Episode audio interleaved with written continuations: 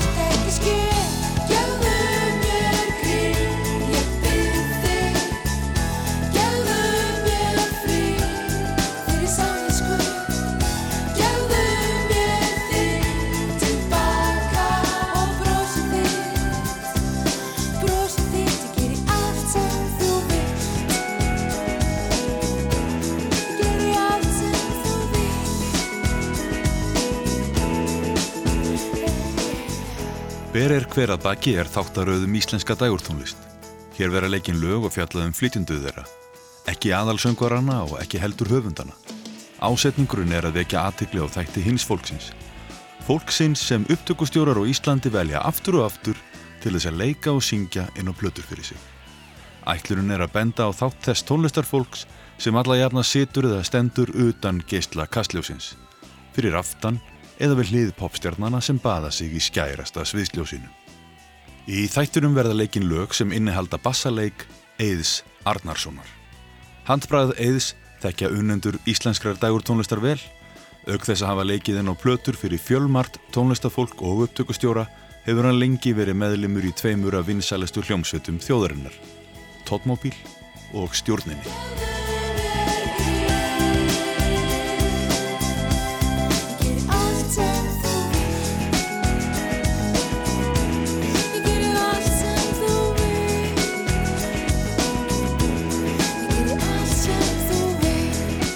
Ég heiti Karl Hallgrímsson og í þættunum heyru við í Þorvaldi Bjarnar, Birgi Baldusinni og listamanni dagsins Eyði Arnarsinni.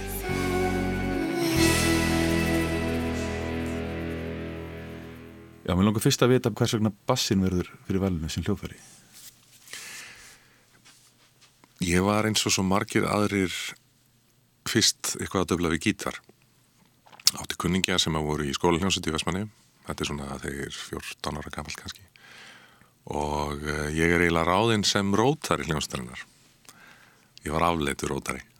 Og sérstaklega kannski kom það í ljós þegar að bilaði einhver snúra og mjög að falið að finna loðbólta á lagana ég, ég bara gati ekkert svo leiðis þannig að þegar að bassalegarin í hljómsutinni hætti tiltölulega skindilega þá var ég einfallega sjanghæðaður í orða bassan og þess vegna er hann nú mitt aðal hljóðfari í dag það var út af fyrir sig ekki markmið að vera bassaleikari en mér langaði mikið að vera tónlistamæður uh -huh. og eh, tilfæslan frá gítar yfir á bassa var einföld þegar maður var stutt á við komin hvort þið var sem gítarleikari. En þetta er auðvitað saga margra bassaleikaranar Pól McCartney og miklu, miklu, miklu fleiri sem að hafa byrjað á gítar en endað af einhverju nöðsin á bassanum. Ég hef aldrei nokk tíman síð eftir því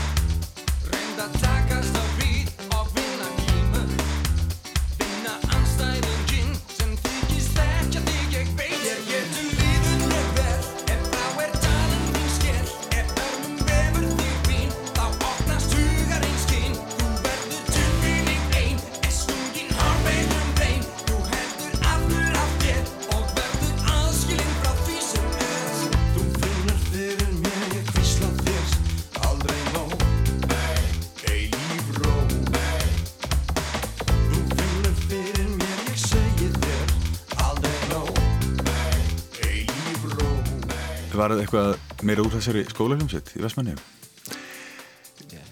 Þessi ágæta skólahljómsveit í Vestmannheim, það er nú gaman að segja frá því að þegar að 14 ára einstaklingar taka sér saman og búa til hljómsveit með mikla og stóru drauma og kalla hljómsveitina Titanic þá vantar nú eitthvað upp á söguþekkingu þessar ungu manna þessar ungu manna Nei, það var ekki mikið úr mikið, annað en það að spila á að fáum skólaböllum og einhverjum úlingadansleikjum í Vestmannheim en síðan svona flosnaði upp úr þeirri sveit þegar að eiginlega það var nú kannski ég sem að fór yfir í aðra sveit sem að var svona aðeins öflugur í á þeim tíma, hétt Radius. Radius á Vestmannheim svona, þeir voru svona 2-3 árum eldri þannig að það var mikil uppheð að, að vera fengin í það band. Og mjög gaman og þá var maður alltaf inn að spila á landi. Aldrei hafði, hafði, hafði, ég hafði aldrei áður spilað annar staðar enn í Vestmannheim og þannig er ég kannski 16 ára eitthvað svona þess En svo ertu um tíma líka í allra frægustu Vestmannheim hljónstinni Sjöund. Já, Sjöund var stopnuð hösti 1985 og eiginlega stopnuð til þess að verða húsljómsveit á Skansinum sem hafa vitingastæður í Vestmannheim sem hafa reygin af Palma og Mari og eh, ég ekkert neginn manna nú þannig að ég hafi nú hálfpartinu verið fenginn til þess að búa til þessa hljómsveit. Og koma henni á koppin og við spiluðum þarna bara nánast hverja einustu helgi í eigum í einn tvö ár þangar til ég hætti hausti 87 náðum á þeim tíma að ég vera meira með að spila þrjú, jafnvel fjögur kvöld í viku í Vestmanni sem er mjög, mjög sérstækt og, og þeir okkar sem vildu gáti sjálf sér bara lifað af því. Og við sem vorum kannski bara einir og byggum heim hjá mamma og pappa svona, það, var til dælu löðvelt fyrir okkur að láta þetta bara döga En þá er ballspilamennska ágæti skóli fyrir tónlistamenn sem geta að gefa sér tíma svona fyrir utan bara ballið, undirbúið sig og, og hend eftir því sem eru verið að spila Algjörlega, ég held að svona ballspilamennska sé bara eldskýrt sem að er öllum tónlistamennum alveg óbúslega holl og sérstaklega kannski þeim sem eru sjálfmyndaðir. Að eh, vegna þess að það þú þart einfallega að læra alltaf upp á eigin spýtu, þú mætir ekki óundirbúin á æfingu, þú þart að kunna lægið þú þart að geta bara gripið í þegar talið er í. Og ég held að þetta sé alveg ómetanleg reynsla líka að sko standa á sviði svona oft eins og maður gerði á þeim tíma og enda að gera enn vegna þess að það er ekkert hægt að líka því saman að standa á sviði og, og spila ofinbeglega versus það að kannski sitja heima í, í herbergi og æfa sig. Þetta er tvent svo ger ólíkt þó að annað, virk, þú veist, æfingin heima er virkilega nöðsynleg að þá kemur bara svo miklu meira út úr því að performera. Mm -hmm. og reynslan sem sapnast þar upp er alveg algjörlega ómyndalega og fyrir bassaleikara er ballið kannski svolítið sérstakt. Það er náttúrulega lang mikilvægsta hljóðverið. Já, bassin er afskaplega mikilvægt hljóðverið auðvitað. Og þú spyrir bassaleikara þá, þá fer, er engin maður á því. Þetta er doldið svona eins og hlutverk naspinni dómarans ef hann er alveg óbóslega góður þá tekur ekkert eftir hún Það er doldið þannig með bassan líka að ef bassalegarinn stendur sér vel þá tekur ekkert sérstaklega kannski eftir húnum en þú tekur eftir því um leið og hann klikkar eða lætir sér hverfa á einhvern nátt eða missir af lestinni. Þetta er svona þetta á svona trómónum þetta er svona grunn hlutverk í allri rítmátónlist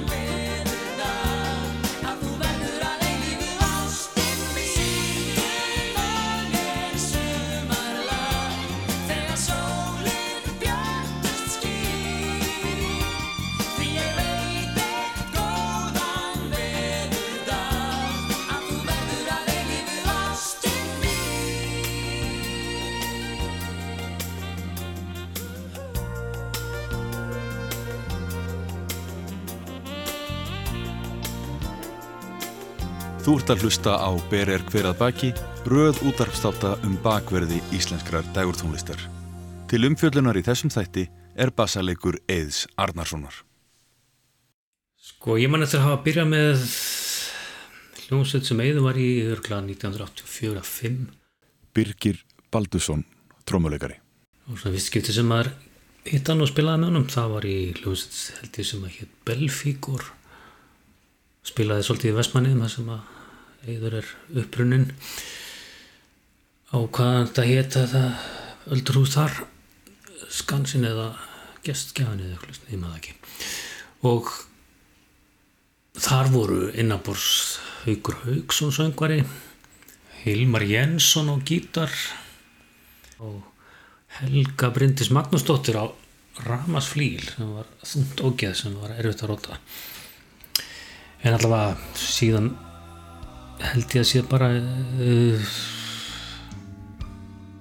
tóttmóbíli eða eitthvað þegar að við spilum saman aftur en samt öruglega ekki saman heldur bara í stúdíu og ég man ekkert eftir þeim sessjónum neitt sérstaklega.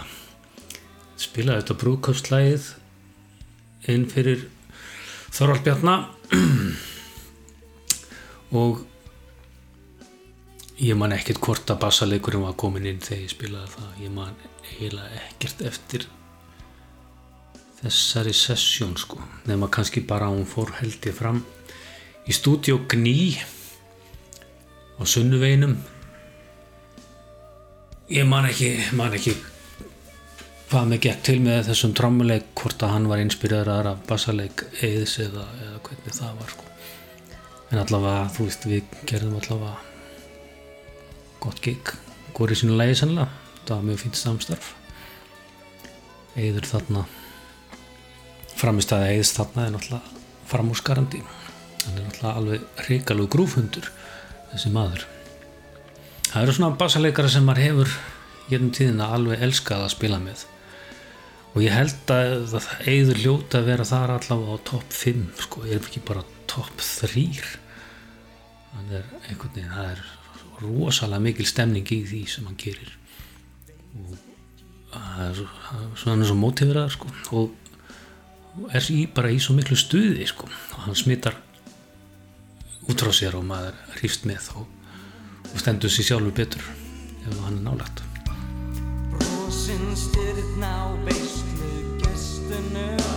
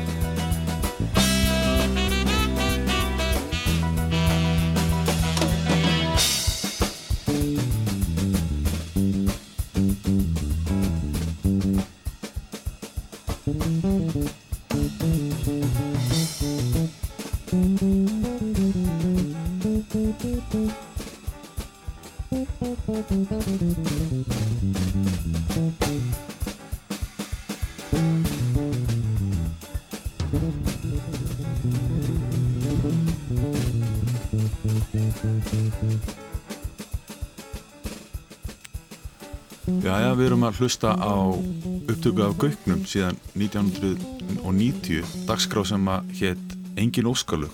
Einar Bræja á saxofón Rappi Jóns á trommur Stefan Hjörlufsson á gítar og Jón Ólofsson á hljómborð. Og eigður þú leikur á bassa. Já, mikið sóló í gangi þannig já, ég bara ekki heyrt þetta nokkur sinni. Hann er ungur maður að reyna að koma mörgum nótur, nótum frá sér á skamum tíma.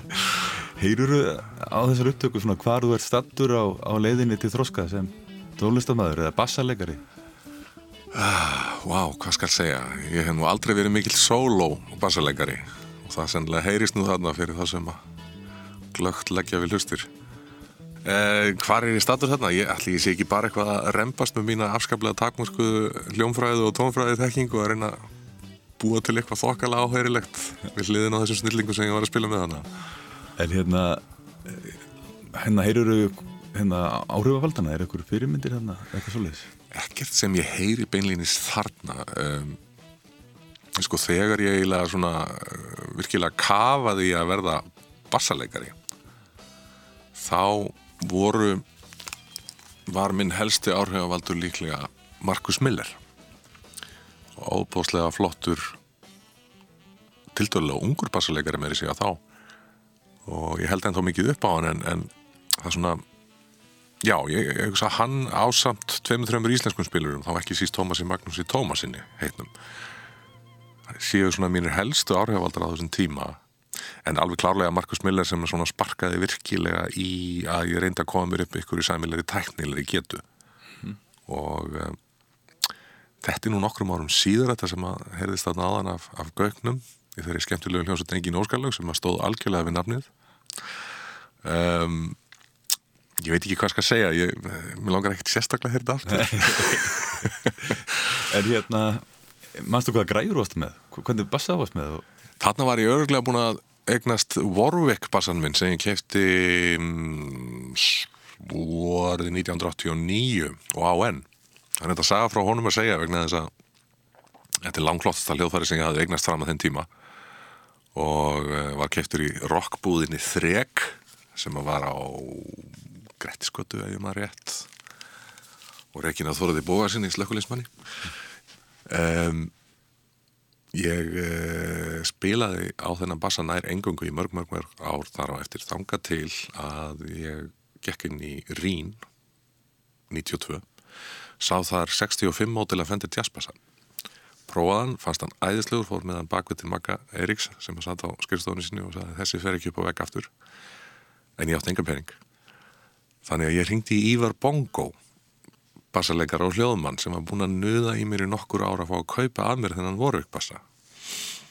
Seldonum á, á staðnum bara og hann var greittur. Ég fór með peningin upp til makka og kæfti fendirbassan en hann hafði þá tekið lofvarðað Ívar í leiðinni að ég hefði forköpsrétt á vorukbassan sem ég nýtti með síðan einhverjum fjórum-fimm árum síðan og kæfti hann aftur og áhand við hann. En þetta er bassi sem ég notaði alveg gríðarlega mikið fyrstu árin. Allir sá næsti hafi ekki verið Sadovski fimmstrengjabassi sem ég egnaðist 92 líka en Fenderinn var það, eiginlega það hljóðfari sem ég notaði bara nánast næstu 20 ár. Þessi gamli Fender sem ég kæfti 92 líka Hvaða, hérna, er þetta útbúnaðurinn sem þú mæti með á dansleiki í dag? Eða, Nei, eiginlega eftir að hafa valla eignast nýtt hljóðfari í svona 20 ár þá er ég búin að kaupa mig nokkra á undáhörnum árum. Og í dag spila ég næri engung á Íbanesbassa. Annars vegar fjórastrengja og hins vegar fimmstrengja bassa sem er undar fimmstrengja bassi er eitthvað sem ég hef aldrei numið almennilega vegna þess að ég segi stundum að ég æfði mig á bassa í 80's og þá voru eiginlega bara fjórastrengja bassar til. Þannig að fymti hefur nú alltaf þvælstaðins fyrir mér en ég er farin að nota miklu miklu meira aftur núna og báðir bassarnir sem ég nota langmest eru Íbanes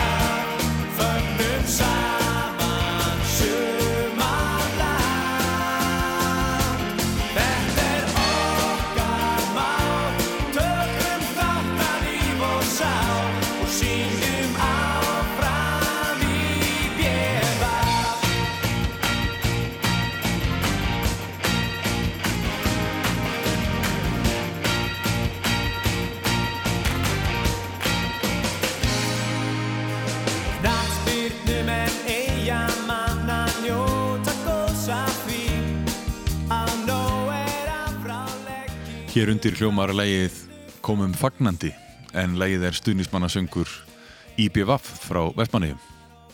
Lægið er eftir Leif Geir Hafstensson sem leik með liðin á þessum tíma og textinn eftir Leif Geir Sömuleiðis og Ívar Bjarklind sem syngur lægið. Ívar áttu nú setn eftir að láta sér kveða í poptónlist og gera afbraksgóðar plötur með afbraksgóðum textum.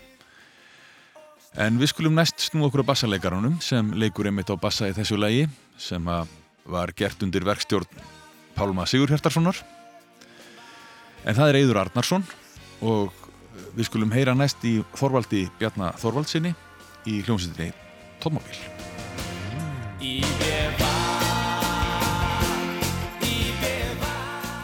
Ég man nú ekki alveg nákvæmlegar hvenar ég hitti Eið fyrst en það var örglega eitthvað í kringum Hotel Ísland og hann var að spila það með stjórninni og Andrea var að syngja jazz þar með Guðmundi Ingólfsinni og þá voru við Andrea saman. Og e, það gerði að verkum að maður sá oft stjórnin að spila og, og þennan frábæra bassarleikara með þeim. E, nú svona það er svona græna herbergi þarna niður og fólk hittist þar og spjalla og kannski fær sér einn öllara og þá kynnist fólk. E, það má eiginlega segja að Eður hafi uh, sko eiginlega bara bóðið sér sjálfur í tónmobil hann hitti mig í andirinu einhvern tíman þarna á, á Hotel Íslandi og sagði bara hann ætti að vera í þessu bandi. Og það fór einhvern veginn þannig að, að okkur vantaði bassarleikara annarkvort sennilegi upptöku og hann kom og þetta var alveg rakið, ekki spurning. The rest is history man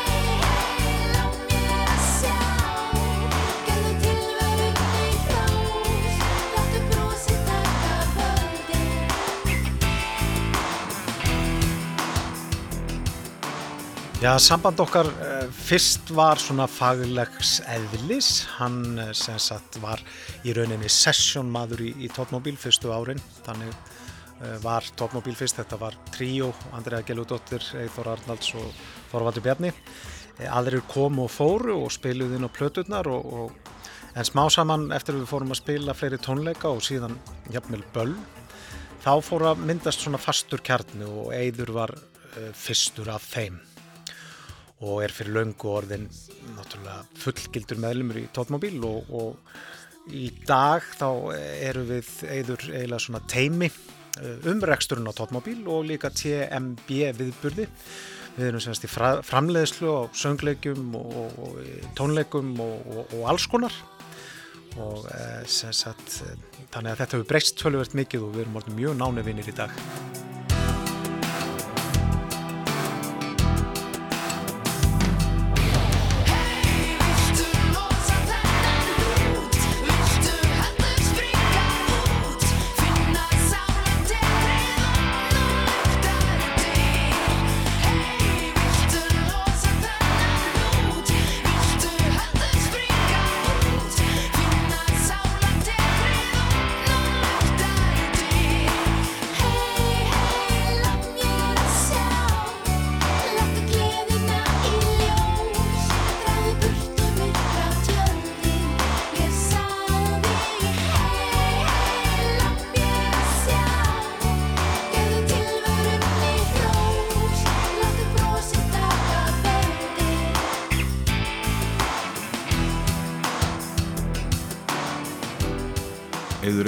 Mikill áhuga maður um bassaleik myndi vera spurður um einkinni þín sem bassaleikara hver, hverju heldur þú myndi svara?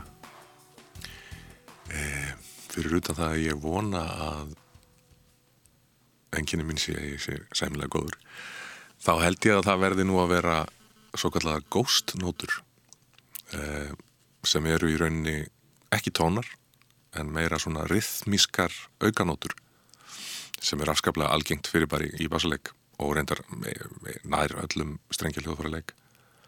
Um, til að útskýra nánar þetta er eiginlega sko uh, já, rithmískir hlutar sem eru ekki tónatinn sjálfur en bæta þá einhverju svolítið við grúfið. Nú er grúf erfitt að skilgreina. Hljómþel, sagði einhver. Hljómþel, já, það er ábygglega ágætt en samt ekki. Um, og hvaðan koma góstnótur í bassaleg? Fyrst og fremst úr disco tímambilinu. Þannig ég held ef eitthvað er að það sé eitthvað sem að um, enginni minn spílastíl og hefur alltaf gert. Ég, þetta hjálpar sjálfum mér að spila. Einfallega að halda rithmanum meira gangandi þó það sé kannski minna að gerast í sjálfum tónunum sem maður er að spila. Er, er þetta eitthvað sem að þú ræðir, þú veist eins og við samstarfsmanniðin í rithmannum, trommaran eða? Nei, þetta er bara eitthvað sem maður gerir alveg sjálfur. Þetta verður kannski aðeins krítiskara í stúdíóvinu og spurningu stundum kannski vilja minni þetta ekki. Uh, Þá reynir maður kannski frekar að draga úr heldur en að sleppa alveg uh, live uh, eða á sviði á maður kannski til að gera þetta svolítið fast og hart og mjög heyranlegt. En ef þetta er rétt staðsett og vel gert þá hjálpar þetta bara. En það er þetta ganga langt í þessu eins og alveg. Nú heyrir maður í hérna toppmóbíl og heyrir maður stundum sko notkun á milli tónum sem heyrast þó líka og maður heyrir líka svolítið mikið að þögnum Mm -hmm. altså bassin annarkvort bara tekin út einhvern part, svo kemur hann aftur inn og þá tekur maður eftir honum og þá jafnir líka bara þögn í bassapartinu sjálfum, í laglínu bassans Það, já, ég, ég veit að þeirra skoðun er að þögn sé vannmettnasti hlutin af tónlist.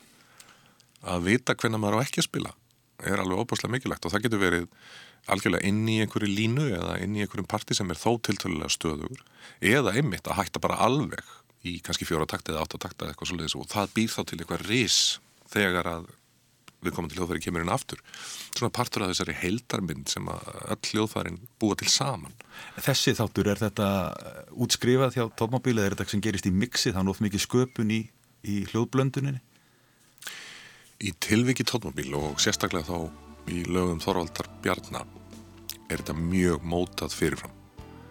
Hann eh, hugsar tónlist óbóðslega skipulega og þegar ég hef verið að mæta í stúdíó í gegnum tíðin að spila inn á tónmóbíl upptökur þá eh, gerist næstu því aldrei eitthvað svona bara algjörlega á staðnum.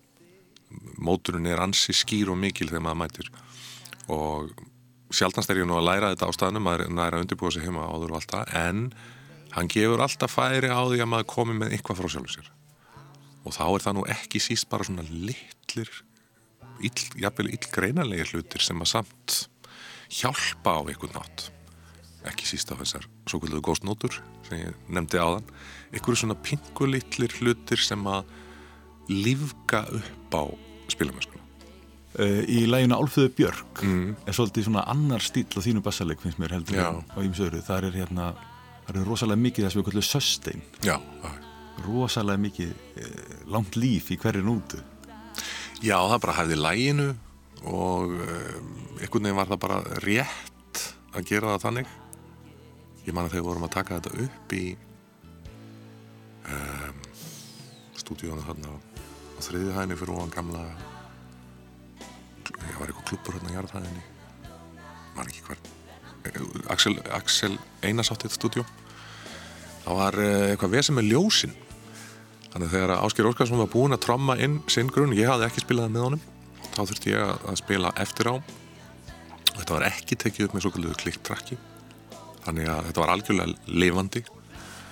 Og engin söngur kominn og nánast engin önnur hljóðfæri en bara trommuleikurinn. Og ég þu- man að ég þurfti þarna í myrkri vegna þess að það ljósum voru ekki virka að algjörlega reyna blindandi að elda hægingarnar hans.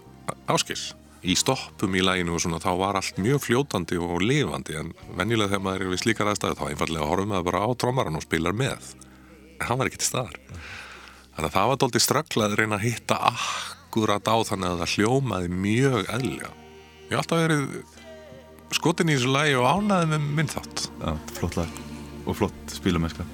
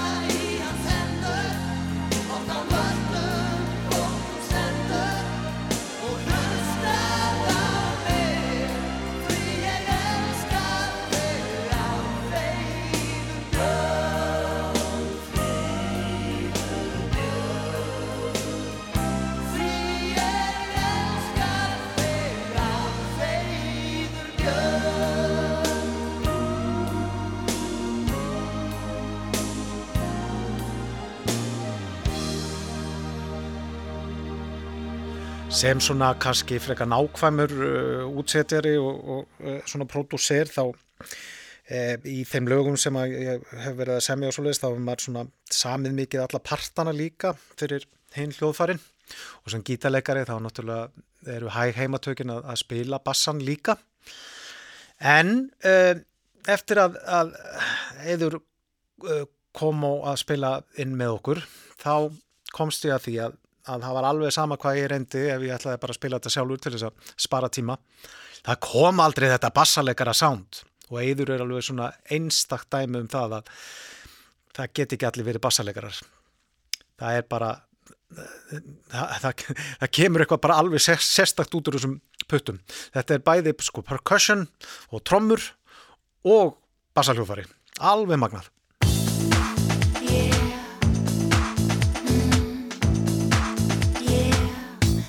Stúlkan kisti á stein og kisti einn bíl. Stúlkan kisti á rúðu og svo kisti hún jörðina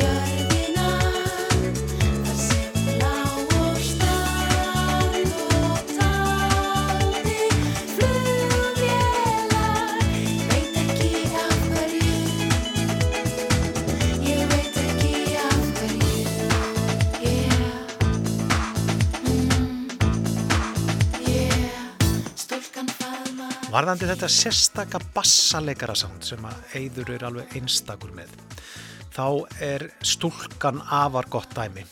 Eh, eh, þar er bassalínan í læginu raunverulega aðal melodían þannig að Eiður er að spila eh, svona aðalpartin í læginu í raun. Við gerðum náttúrulega mjög nákvæmt demo af þessu lægi þar sem að, að ég hafði spilað bassaninn sjálfur og ég hafði gert það líka með syndabassa en eh, ég er alveg þess fullviss að ef ég hefði ekki fengið einn til þess að spila þessa bassalínu á lagi þá hefði það ekki orðið eins vinsalt og það var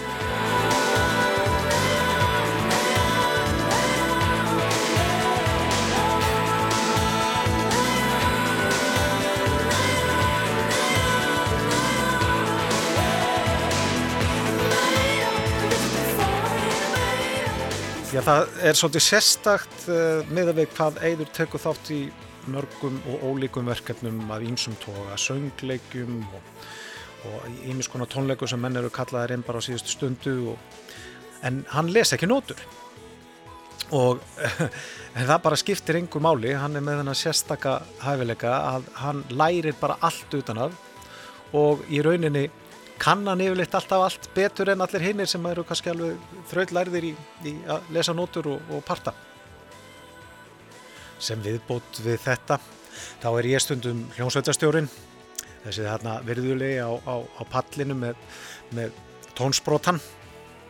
En e, út af þessum hæfileika eðis að kunna þetta yfirleitt betur en aðrir þegar að er mætt á æfingar, þá hef ég nú alveg tekið eftir að sömur í hljónsveitinni líta hjá oftar á hann heldur um mig.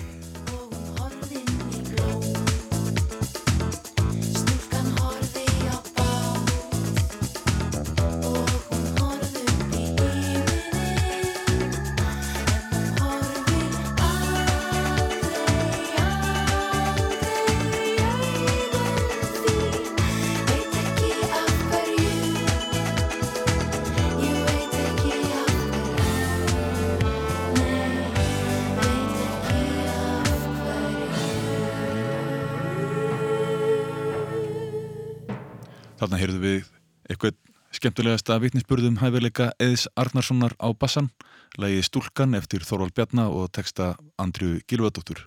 En heyrum aftur í Birgi Baldusinni, trommuleikara. Ég man eh, eftir því alltaf þegar ég var ráðin til þess að spila í sjófi á Hótel Íslandi, ég man ekki hvort að það hétt Broadway þá eða Hótel Íslands við sannlega verið 2004 haustu 2004 það, það var sem sagt eitthvað skonar stuðmannasjó sem að Valger Guðjóns reyði mig til þess að spila í. Þarna voru menni svo Eddi Lár og gítar og og uh, Bjarni Freyr Ágússon líka, ég man nú ekki alveg hverju voru þarna, en þarna var bassaleikari sem að er þjóðfrægur og viðfrægur sem að uh, var auðvitað ráðan þarna fyrir, að- fyrir það hvað hann er ríkalega góður sem hann er. Og hann var kannski ekkit alveg í sem bestu stuði á þessum tíma. Og svona frekar, frekar mættur og þreyttur einhvern veginn á þessum tíma. Og dæmi um það þá vildi hann fá að sitja á sviðinu meðan hann var að spila. Hann gerði þetta allt óafinnalega. Og, og satt mjög vel og allt var algjörlega frábært þannig séð en svo þurfti hann að fara að spila ykkur í útlöndum og Eidur Arnars kom inn til þess að leysa hann af.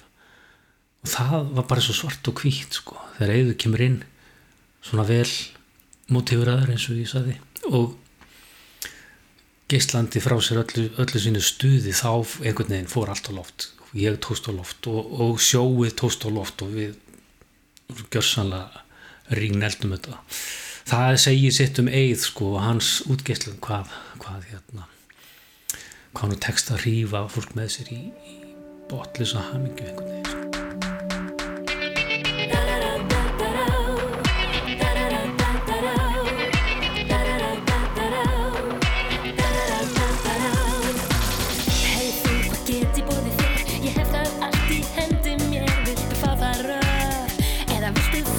Hey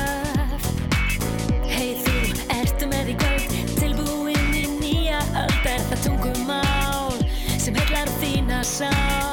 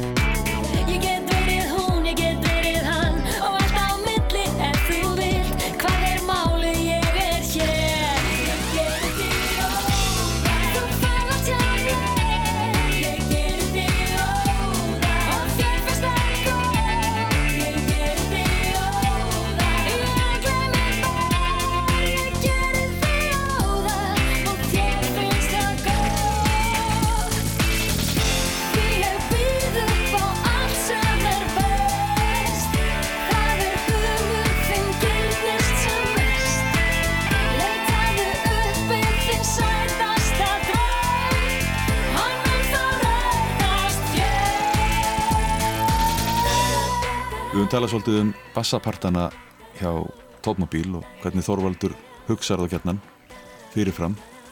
Er þetta eitthvað öðruvísi hjá stjórninni? Um, eiginlega ekki, sérstaklega framan af þegar að Jón Kjell Seljeseth stjórnaði upptökum á blötum stjórnarinnar fyrstu tveimur sem ég, ég var með á. Það var mjög mikið mótað. Hann er dálítið líkur Þorvaldi Bjarni að mörguleiti hvernig hann hugsa tónlistina og hvernig hann svona fyllir upp í eh, hvað ég maður segja, fyllir upp í all götin á, á heildamindinni með alls konar mismunandi hlutum. Um, þannig að yfirlegt var þetta mjög mótað og jafnvel mótaðara heldur en hjá Þorvaldi Bjarni en síðan kannski síðar meir og með einhverjum öðrum upptökum sem átt sér staðlega einhver síðar þá var þetta svona frjálslegra. Þannig að ég tek leðsögn mjög vel. Ég, ég fíla það mjög vel að bara vera sagt hvað ég á að spila og gera það bara eins vel og ég mögulega get en bæta einhverju við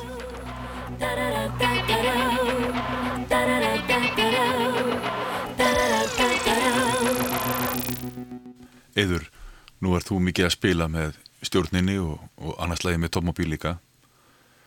Eh, hvernig gengur þér að standa á sviði og koma huganum einhvern veginn út úr þeim aðstæðum og þú standir þarna á sviði og sér bassarleikarinn sem berð hitan og þungan af grunninum sem lagður er fyrir hínaspilarana. Já, við að komast einhvern veginn inn í það uh, hugarástand að gleyma gjörsanlega stund og stað og upplifa sjálfa sig einhvern veginn bara inn í flutningnum. Ég veit að þetta er ástand sem að margir hljóðfærarleikarar svona sækjast eftir að komast í. Tekstir þetta alltaf? Já, veistu það, mér tekst það bara svona næstum alltaf og þar þakka ég reyndar fyrst og fremst því að ég er búin að vera alveg einstaklega heppin með meðspilara í gegnum tíðina, alveg frá því ég gæt lítið sjálfur og hef fengið að læra af mjög mörgum mjög góðum spilarum hvort sem það er í tónmobíl fyrir 30 árum eða tónmobíl í dag eða stjórnin fyrir 30 árum og stjórnin í dag.